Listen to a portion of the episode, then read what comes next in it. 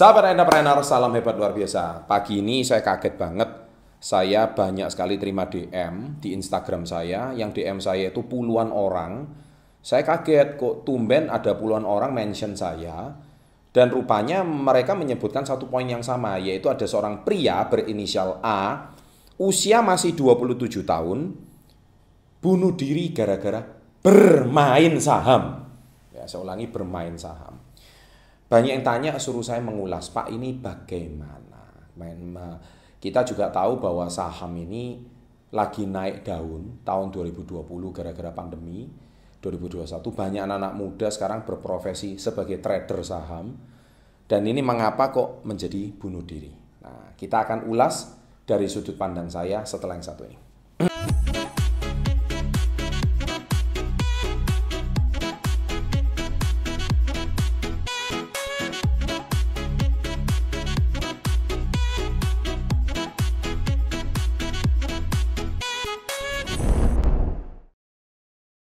Baik, sebelum saya mengulas, saya mau baca dulu beritanya. Dari CNBC. Jakarta, CNBC Indonesia. Seorang pria berinisial A, usia 27 tahun, tewas setelah loncat dari salah satu apartemen di Setiabudi, Jakarta Selatan. Ya, kita tahu ini pasti ibu kota. Ya. Senin 22 Maret 2021 siang. Jadi kejadiannya ini Senin yang lalu. Polisi masih menyebut korban punya masalah ekonomi karena main saham. Nah, saya tidak mau membahas lebih lanjut karena ini baca berita, jadi saya biarkan selesaikan beritanya ini terlebih dahulu. Kapolsek Setiabudi AKBP Yogen Heros Baruno mengatakan Polsek Setiabudi mengetahui hal itu dari keluarga korban. Menurut keluarga, korban sering terdiam beberapa hari terakhir. Nggak ada interaksi.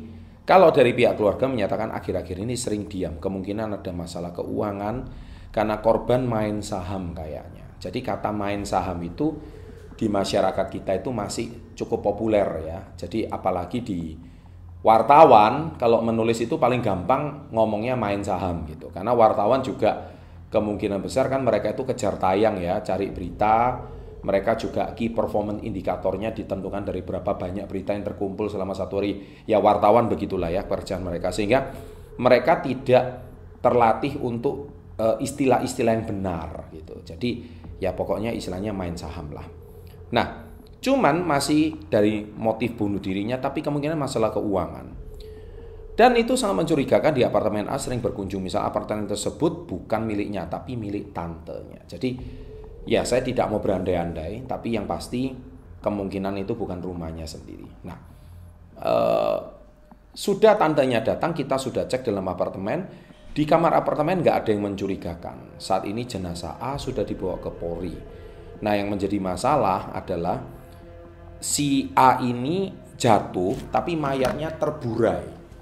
Sehingga ada yang kakinya kena ke pedagang nasi goreng, kemudian tangannya ada yang ke PKL karena di daerah apa di daerah Setiabudi itu kan memang kawasan apartemen kan biasa ya di depan itu ada PKL ya sehingga ya tentu itu sangat membuat shock.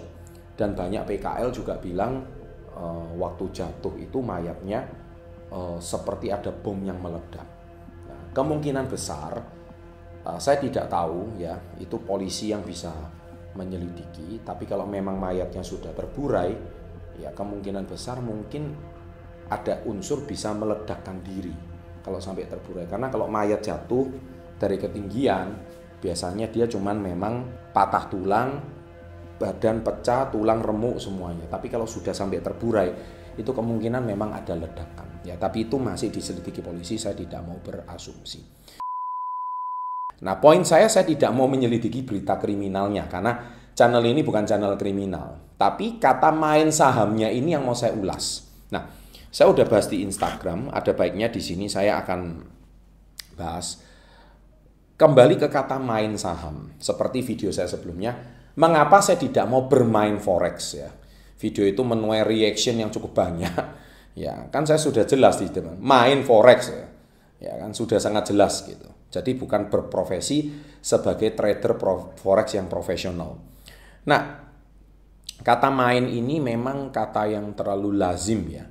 Uh, bahasa yang terlalu umum di masyarakat kita.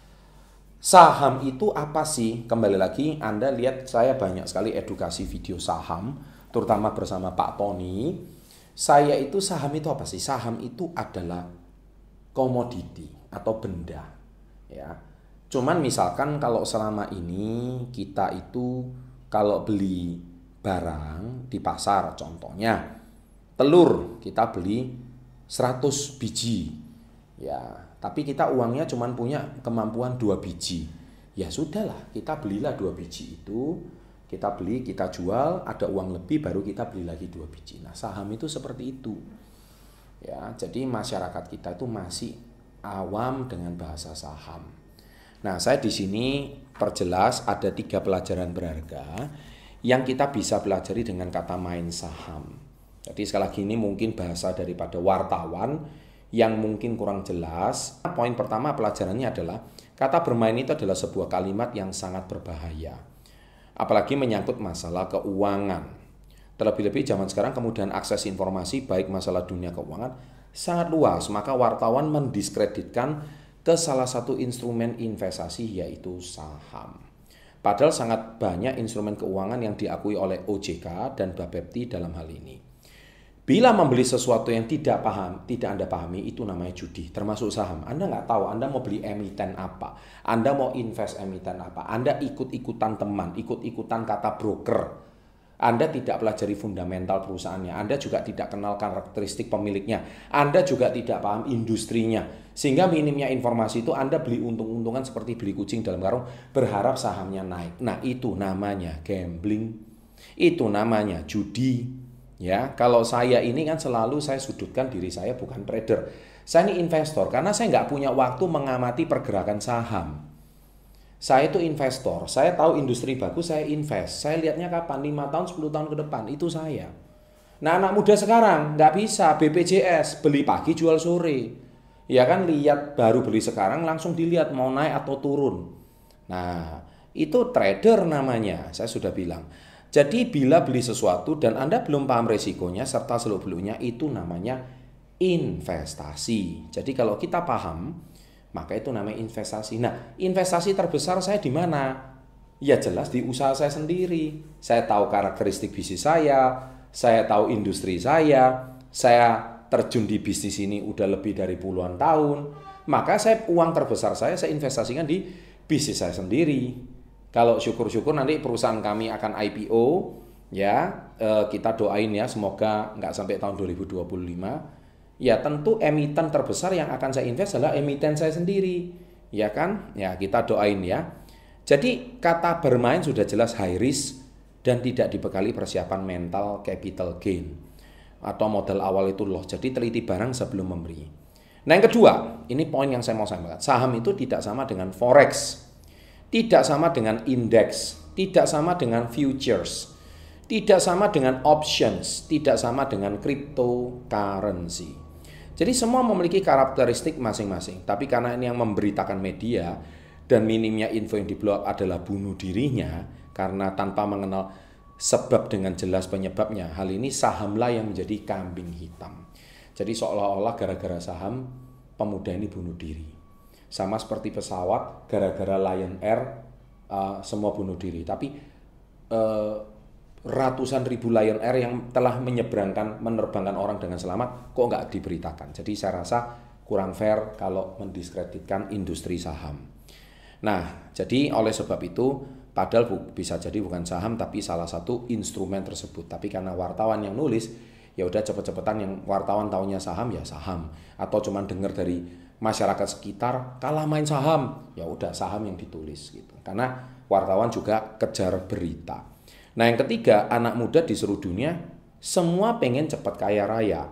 Naik mobil mewah punya rumah mewah keliling dunia. Tidak terkecuali si A ini. Nah saya khawatir si A ini adalah orang yang mungkin tidak punya pekerjaan seorang introvert tiap hari menganalisa ya kan? Terus kemudian salah pilih instrumen uangnya satu-satunya mungkin pinjem pula kemudian menggunakan plafon peminjaman ah selesai sudah. Mungkin orang itu punya riwayat introvert karena orang yang bunuh diri itu pernah ada sebuah penelitiannya memang dia punya sebuah gangguan kejiwaan. Nah, itu yang jadi masalah. Tapi anak muda rasanya pengennya tidak dibekali dengan persiapan mental yang cukup. Semua pengen cepat tajir tapi tidak siap rugi. Mengapa fundamental itu penting di setiap lini bisnis, usaha, maupun investasi. Kalau untung-untungan namanya judi besar-besaran. Jadi pesan saya, teliti sebelum membeli, pelajari sebelum seksama. Pelajari yang seksama sebelum Anda memutuskan menaruh uang Anda tersebut. Kalaupun Anda ingin nggak pusing, Anda masih punya pekerjaan tidak mau jadi seorang trader, sekali lagi nggak masalah ya, trader itu kan profesi, investor itu mindset. Saya sering bilang itu.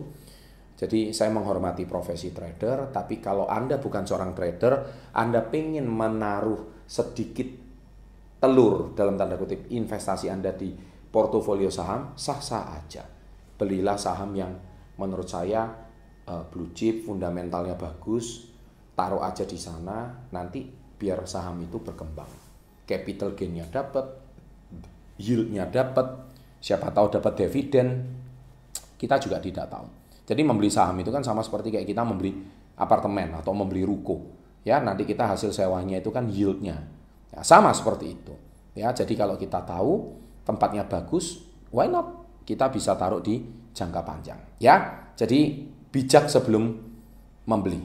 Terima kasih. Demikian review saya untuk berita kali ini. Sukses selalu. Jangan lupa like-nya. And always salam hebat luar biasa.